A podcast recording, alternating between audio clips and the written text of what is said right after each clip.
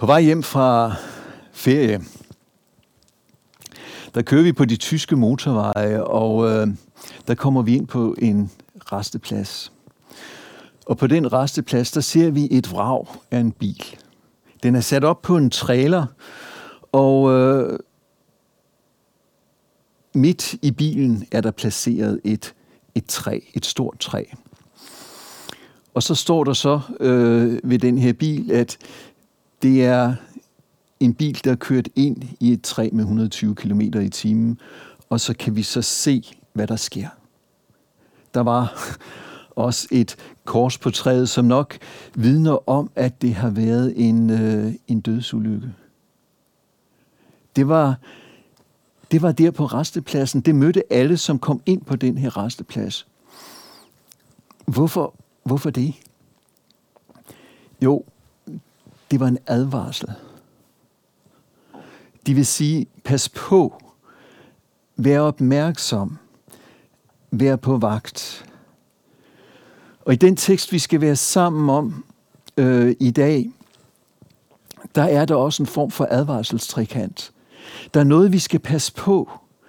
Der er noget, vi advares imod. Det er på mange måder en lidt uhyggelig og rystende tekst, fordi vi møder et udadtil meget fromt menneske, men et menneske, der levede i et selvbedrag.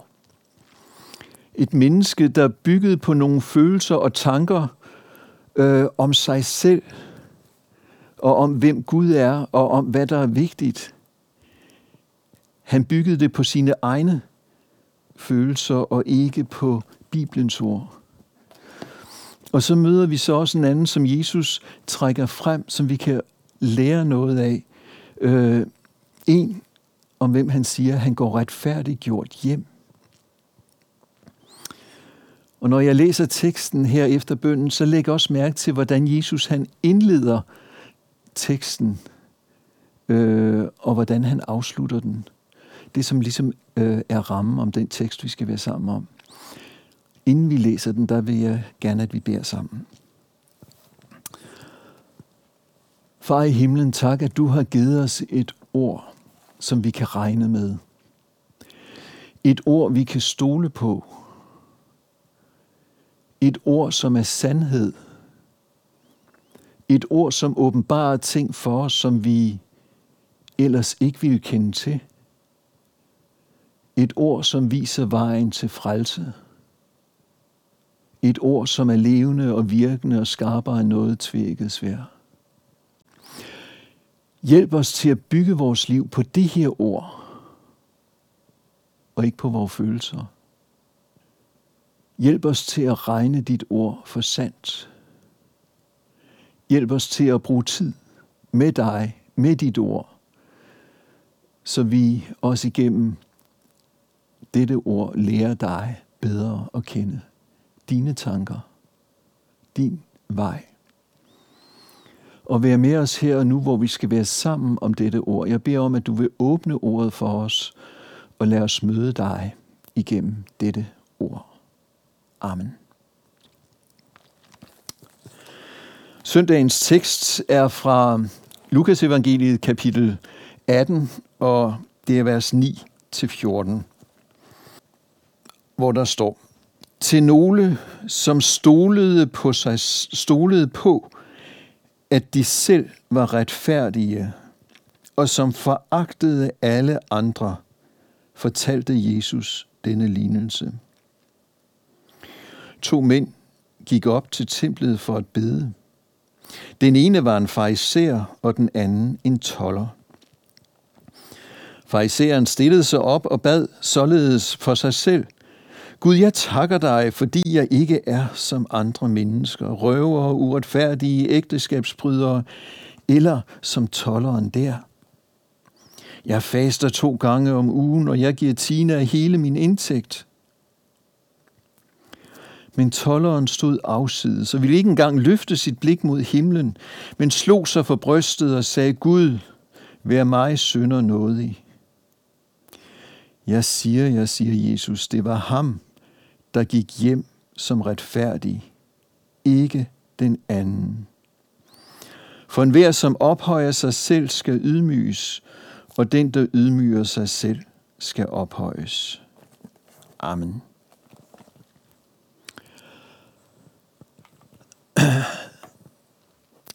Bibelen, som vi lige har læst fra, og som jeg står med her, det er Guds åbenbaring. Og en åbenbaring, det er noget, som vil vise os noget, som er skjult. Noget, som vi ikke havde vidst, hvis det ikke var blevet vist.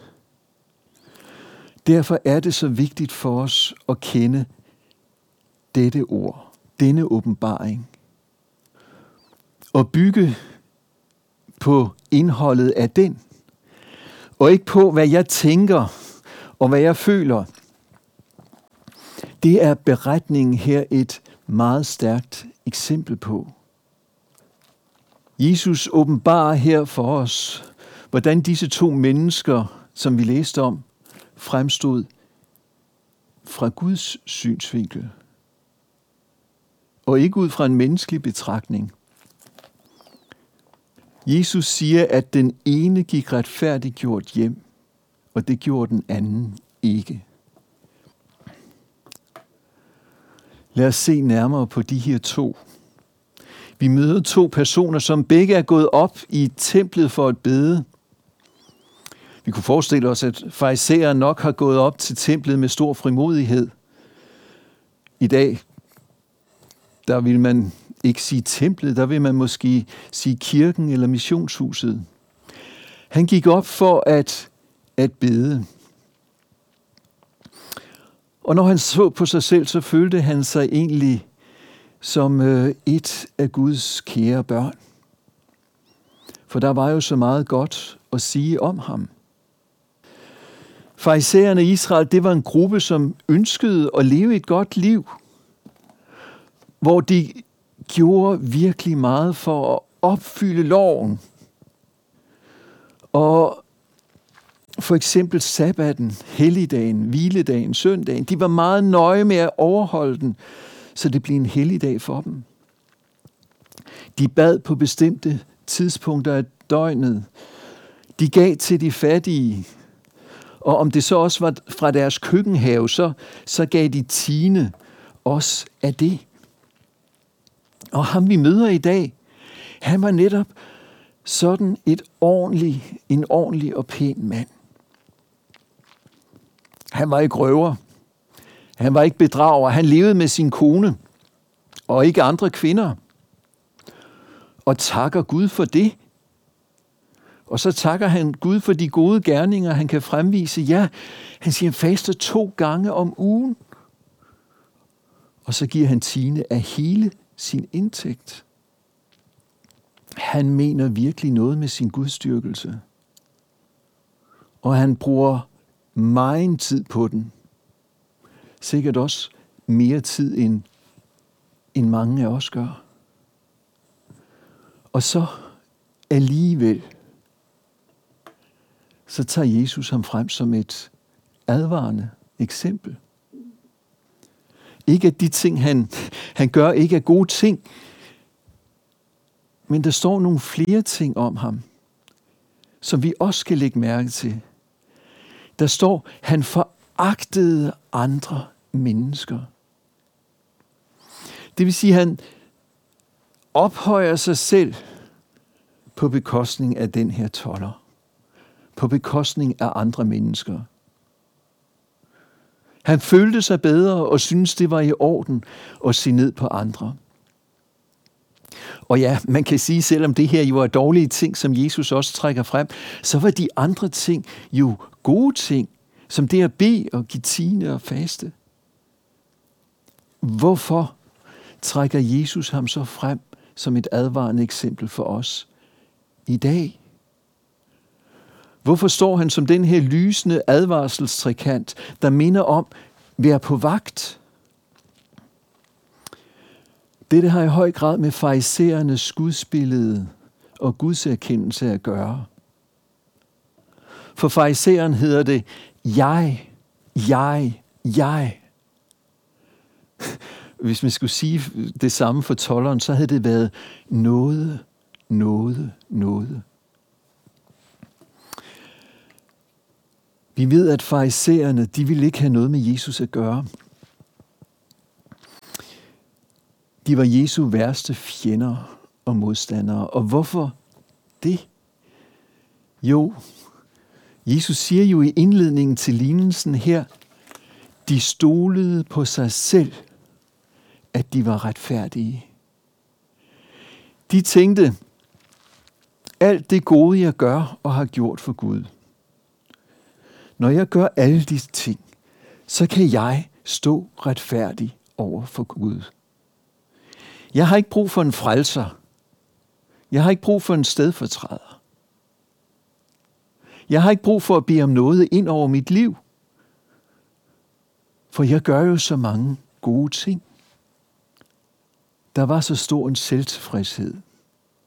Jeg takker dig, fordi jeg ikke er som de andre mennesker og som denne toller. Nej, han vil sige, alt var i orden hos ham. Og Jesus havde de i hvert fald ikke brug for. Fordi han kom, og han afslørede deres hykleri. Et hykleri, de ikke ville ud af. Og det var derfor, de ikke kunne lide Jesus. Og det var derfor, de ønskede at slå ham ihjel. Og det var også derfor, at Jesus, var der nogen, han var hård over for, og, og, og kunne være, være øh, meget direkte overfor. Så var det farisæerne. Det var fordi, der skulle så meget til for at afsløre deres hykleri. Og man kan sige, at i dag er gruppen af selvretfærdige også uhyggeligt stor. De lever et godt liv. De gør, hvad de kan for at opfylde deres pligter, for at opfylde loven. De giver måske lidt til velgørenhed en gang imellem, og de går i kirke også til højtider og ved forskellige anledninger. Og så er de i hvert fald ikke værre end andre mennesker. Jeg husker et menneske, som jeg på et tidspunkt havde sådan relativt tæt inde på livet, en ældre mand. Og når vi talte om tro, så sagde han så, jamen jeg er sikker på, at jeg en dag skal stå foran Gud. Øh, men jeg frygter det ikke, for jeg har levet et godt liv. Øh, jeg har ikke været dårligere end andre mennesker, og øh, jeg har været god ved min kone, og jeg har været god ved mine børn. Øh, så jeg er sikker på, at den gode Gud nok skal tage imod mig en gang, når jeg dør. Og ja, han var et utroligt venligt og rart menneske. Og elskeligt. Men han havde ikke brug for en frelser. Man kan sige, for ham behøvede Jesus egentlig ikke at være kommet til jorden for at, at frelse ham, for at lide døden. Han havde en falsk erkendelse af Gud og sig selv i forhold til Gud. Han byggede på sine egne følelser og sine egne betragtninger, i stedet for ligesom at holde Bibelen op og se på Guds åbenbaring. Havde han læst i den, så havde han set ind i Guds kærlighed og set ind i, hvor meget der skulle til for at frelse ham. Og hvordan han også havde brug for denne frelser for at komme til himlen. I stedet for at bygge på sine egne følelser. Og jeg har også lyst til at sige, at vi i kirker og missionshuse må være på vagt, også når vi læser et afsnit som dette. Lad os ikke ligne fariseren. Lad os ikke foragte for andre. Lad os ikke foragte andre. Heller ikke selvom de kommer i en anden kirke, eller i et andet kristent fællesskab, eller udtrykker deres tro på en anden måde, end jeg måske lige gør, så lad os ikke foragte dem. En anden ting, vi skal være på vagt over for. Øh, vi ligner nok ikke fariseren på den måde. Vi kan godt, jo, i kirken, der ved vi, jeg har brug for Jesus. Den erkendelse havde fariserne ikke. Men vi vil måske gerne have Jesus i den ene hånd, for vi, fordi vi ved, uden Jesus går jeg fortabt. Men så vil vi måske gerne have penge, rigdom, materialisme i den anden hånd. Det tror jeg måske er en af vores farer i dag.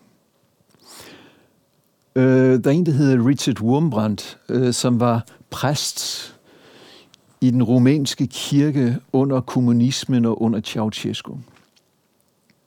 De led forfærdeligt, øh, de kristne i Rumænien.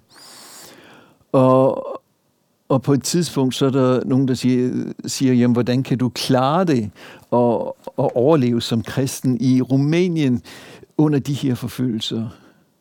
Så siger han, jeg er ikke bange for kommunismen. Kommunismen holder mig tæt til Jesus. Jeg er mere bange for materialismen, som I oplever den i Vesteuropa. Den er langt farligere, sagde han, end kommunismen. Han var klar over, at der er noget, der kan komme snigende, og på en eller anden måde også berøve vores tro. Og læser vi videre her i teksten øh, og i kapitlet, så kan vi se, hvordan Jesus advarer meget stærkt imod det. Jeg tror, faren for os i dag, det er, at vi ønsker at have Jesus i den ene hånd og kærlighed til penge i den anden. Og det, jeg kan få for penge i den anden hånd her. Men sådan som jeg ikke kan have to koner og dele kærligheden mellem to i mit ægteskab, sådan er det også med Jesus og forholdet til ham. Timothy Keller har skrevet en bog, der hedder Ikke alt, der glimter, er guld. Og øh, i den siger han, at jeg har haft mennesker i sjælesorg med alle slags sønder, stort set. Men han undrede sig over noget af det, Bibelen advarer allermest imod. Penge, griskhed. Der var aldrig nogen, der var kommet og sagt, hvad jeg er havesyg, jeg er grisk, jeg er glad for penge. Og, øh, og det undrede han sig over, indtil han fandt ud af, hvorfor. Han siger, det er fordi, det er en synd, som kommer snigende. Den kommer snigende, og det er det samme, Jesus han også taler om, når han taler om, at det, det kvæler ordet. En anden far kan være, at vi siger, at jeg vil have Jesus i den ene hånd, og så er der synd, jeg ikke vil gøre op med, som jeg har i den anden hånd. Lad os, jeg tager det frem, fordi vi skal også i dag passe på, at vi ikke bliver draget ind i et bedrag, hvor vi ønsker Jesus plus noget andet. Jeg tror, at bønden, som vi finder i salme 139, vers 23 og 24, er så vigtig også for os, for mig at bede i dag. Hvor David siger det på den her måde, rensag mig, Gud, og kend mit hjerte. Prøv mig og kend mine tanker. Se om jeg følger afguds vej og gør det, så led mig på evighedsvej. At vi ikke bliver bedraget. Vi møder også et andet menneske i teksten i dag, som er gået op til templet for at bede, og det var tolleren. Tollerne var jo ansat af, af romermagten, som var havde indtaget Israel, og de øh, havde så ansat tollere til at opkræve tolv fra jøderne. En tolv, som blandt andet skulle finansiere både deres krige og deres overforbrug. Og ofte brugte de her tollere deres stilling til at opkræve mere, end de egentlig skulle. De tog til sig selv, og derfor var tollerne nogen, som var meget foragtet af jøder. Og øh, mange af tollerne, de var enten gniere, eller de var frosere. Så tollerne var nogen, der var uleset blandt deres landsmænd. Og vi hørte også, at den her fejser ikke havde andet end hån til overs for tolleren. Tolleren, han står langt borte. Han har måske skammet sig ved at gå ind i templet og stå her for Guds ansigt. Vi læser, at han ikke engang ville se op mod himlen. Han skammede sig og vidste, at han nok intet godt havde at fortælle om sig selv. Han vidste, jeg er en synder. Men det, at han vidste, at han var en synder, det gjorde, at han også vidste, at, at han skulle frelses. Øh, og skulle han frelses, så måtte det være blive på grund af Guds nåde og på grund af Guds barmhjertighed. Og det er derfor, at han også midt i sin nød beder, vær Gud, vær mig, synder, nådig. Lad os se, hvad den her bøn rummer. Gud, vær mig, synder, nådig. For det første rummer den en erkendelse af, jeg er en synder. Jeg siger og tænker og gør ting over for Gud, som er forkert. Det kan være løgn, det kan være onde tanker, bagtagelse, sladder, misundelse, begær. Vi kan i talsætte det. Eller bare det første bud, du skal elske Gud af hele dit hjerte, af hele din sjæl og med hele din styrke. Jeg er en sønder. Jeg må erkende min synd. Og den her erkendelse fører over i det næste, en bekendelse, hvor han beder om forladelse. Vær mig synder nådig.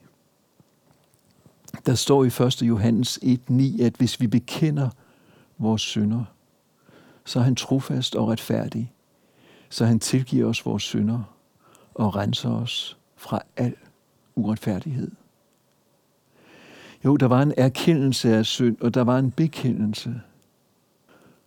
Og så øh, bønden i sig selv, kan man sige, det, det viser jo også noget om tolleren. Det, at han går frem i templet for at bede. Det, at han, øh, han står frem der, det viser jo, at han har en tro på Gud. Han har en erkendelse af, hvem Gud er. Ellers så ville han jo ikke komme i templet, og ellers så ville han jo ikke bede. Det viser det er også det, at han, han beder. Og for det fjerde kan vi sige, at tolleren erkender, jeg har brug for noget. Jeg har brug for en frelser over for Gud. Hvis vi læser videre Øh, det her det er fra Lukas 18, og hvis vi læser over i kapitel 19, så var vi, kunne vi læse om en anden toller, Zacchaeus. Vi, kunne læse, vi kan læse om, hvordan han fik et livsforvandlende møde med Jesus. Han havde været en gnier. Han havde taget mere, end han skulle. Men mødet med Jesus ændrede hans liv totalt. Og der står sidst i beretningen om Zacchaeus, at Jesus siger, jeg er kommet for at opsøge og frelse det fortabte. Det står i Lukas 19.10. Og det var jo netop derfor, at tollerne og sønderne holdt sig så tæt til Jesus. De var klar over og havde en erkendelse af, jeg har brug for Jesus. Jeg har brug for en frelser. Den erkendelse havde, havde fejseren ikke. Og når vi læser om personerne, som Jesus møder, og som der møder Jesus, så går det igen og igen og igen. Det er nogen, som har brug for noget. De har brug for tilgivelse. Og øh, det er det både i Nytestamente og i Gamle Testamente. Og hvis jeg bare skal komme med et enkelt eksempel fra Gamle Testamente, så har jeg lyst til at, at tage patriarken Jakob. Her møder vi i ham en person, som snyder, som bedrager, som er nødt til at flygte hjemmefra, Og i de 20 år, han er væk hjemmefra, der fornemmer vi ikke, at der var meget øh, fællesskab med Gud. Men så er det, at hans bror Esau går ham i møde med 400 mand, og han er klar over, øh, jeg er nødt til at søge Gud. Han søger stillheden, og der er det, at Gud kæmper, kommer og kæmper med ham. Og der skal vi lægge mærke til, hvad der står netop om den kamp i øh, Hoseas 12, vers 4 og 5. Der står om Jakob, at han i sin manddom kæmpede med Gud. Han kæmpede med englen og sejrede. Han græd, og så står der, og bad om noget. Der vandt Jakob sin sejr. Tidligere kunne han have klaret sig selv, men der sker en forvandling med Jakobs liv, da han klynger sig til englen, til Gud, og så beder om noget. Og det var dybest set også det, der skete for røveren, der hang på korset ved siden af Jesus. Han turde nok ikke engang bede om noget. Han beder om en tanke. Tænk på mig. Og i det ligger der også, vær mig nådig, når du kommer i dit rige. Han fik lov at høre, i dag skal du være med mig i paradis. Tænk at få lov at høre det. Og det samme, det er dybest set situationen for hver eneste af os i dag. Vi har brug for noget. En gang var der nogen, der kom til, til Luther og roste ham for alt det, han havde gjort.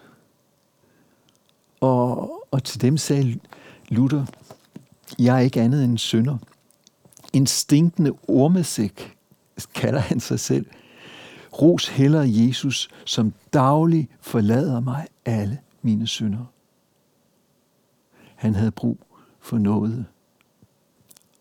Om tolleren i templet siger Jesus, at han havde langt mere grund til glæde, end han selv var klar over.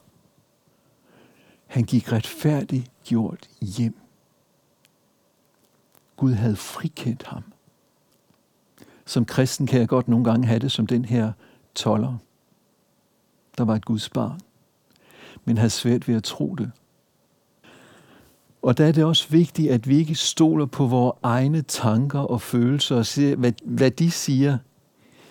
Der må vi læse i Bibelen, og der må vi regne med Guds ord og løfter. Og Gud har sagt, at den, der søger sin frelse hos Jesus alene, han er retfærdig og er hans kære, elskede barn. For det Gud har sagt og lovet, det må vi regne med, og regne mere med, end hvad vi nogle gange selv tænker og føler. Og det vil sige, har du Jesus, så har du virkelig grund til glæde og begejstring. En glæde, vi gerne må vise. Jeg ved, tolleren han slog sig for brystet, vil ikke sige ned, men vi må gerne som kristne også vise glæde og begejstring over, at vi har lært Jesus at kende. Han har købt mig fri. Det, at han har købt mig fri, gør selvfølgelig ikke, at jeg ønsker at blive i det, som jeg ved er forkert. Snart tværtimod, jeg ønsker at leve i et opgør med det, som er forkert, og jeg ønsker at leve i et tæt fællesskab med ham.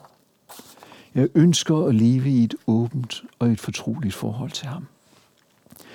Så lad os gøre det. Og så har jeg to spørgsmål, som jeg godt kunne tænke mig at slutte af med, som jeg gerne vil, at vi på en eller anden måde også tager med os i dag og tænker over og reflekterer over. Det første spørgsmål, det er, er det sådan, at vi i vores kirke og missionshuse fremstår som nogle, der har vores på det tørre, lidt som fariseren har, og som bevidst eller ubevidst endda foragter andre, der er lidt anderledes. Sådan at tolleren og synderen kan have svært ved at føle sig velkommen i vores sammenhæng. Er det sådan? Det var det første spørgsmål. Og det andet spørgsmål, jeg gerne vil vi stanser op ved, det er, står du i et ret forhold til Gud? Det kan kun du svare på. Gud kender hjerterne. Og ja, hvis det er sådan, du står i et ret forhold til Gud, så lad det være din allerstørste glæde og din allerstørste skat, som du ejer i livet, som du for alt i verden ikke vil miste. Så er du retfærdig over for Gud. Men hvis du ikke står i et ret forhold til Gud, så vil jeg kalde dig til os at vende om fra det, som er forkert, og komme ind i et ret forhold til Gud, inden det er for sent. Lad os bede sammen. Og far i himlen, jeg beder om, at du vil afsløre bedraget og selvbedraget i dag. Og jeg beder om, at vi ikke må føres ind i et bedrag eller leve i et bedrag, hvor vi måske ønsker at have dig, Jesus, i den ene hånd og andre ting i den anden, hvor, hvor vi vil dele vores første kærlighed. Jesus, må vi have dig som vores frelser. Og må der ikke være ting i, i vores liv, som skubber dig ud og vil kvæle dig. Hjælp os til at leve med dig. Hjælp os til at vandre med dig. Hjælp os til at leve i et åbent og et opgjort forhold til dig i alle ting og i alle forhold i vores liv. Og er der nogle ting, så må du af os og kende os. Og er der nogen herude, som også går på smertens vej, vil du så lede os på evighedsvej. Det vil jeg bede om. Far, tak, at vi får lov at, at lægge os selv i din hånd og i din varetægt. Tak, at du møder os med noget. Amen. Vi vil nu stille os ind under Guds velsignelse. Herren velsigne dig og bevare dig. Herren lad sit ansigt lyse over dig og være dig nådig. Herren løfte sit ansigt mod dig og give dig fred. Amen.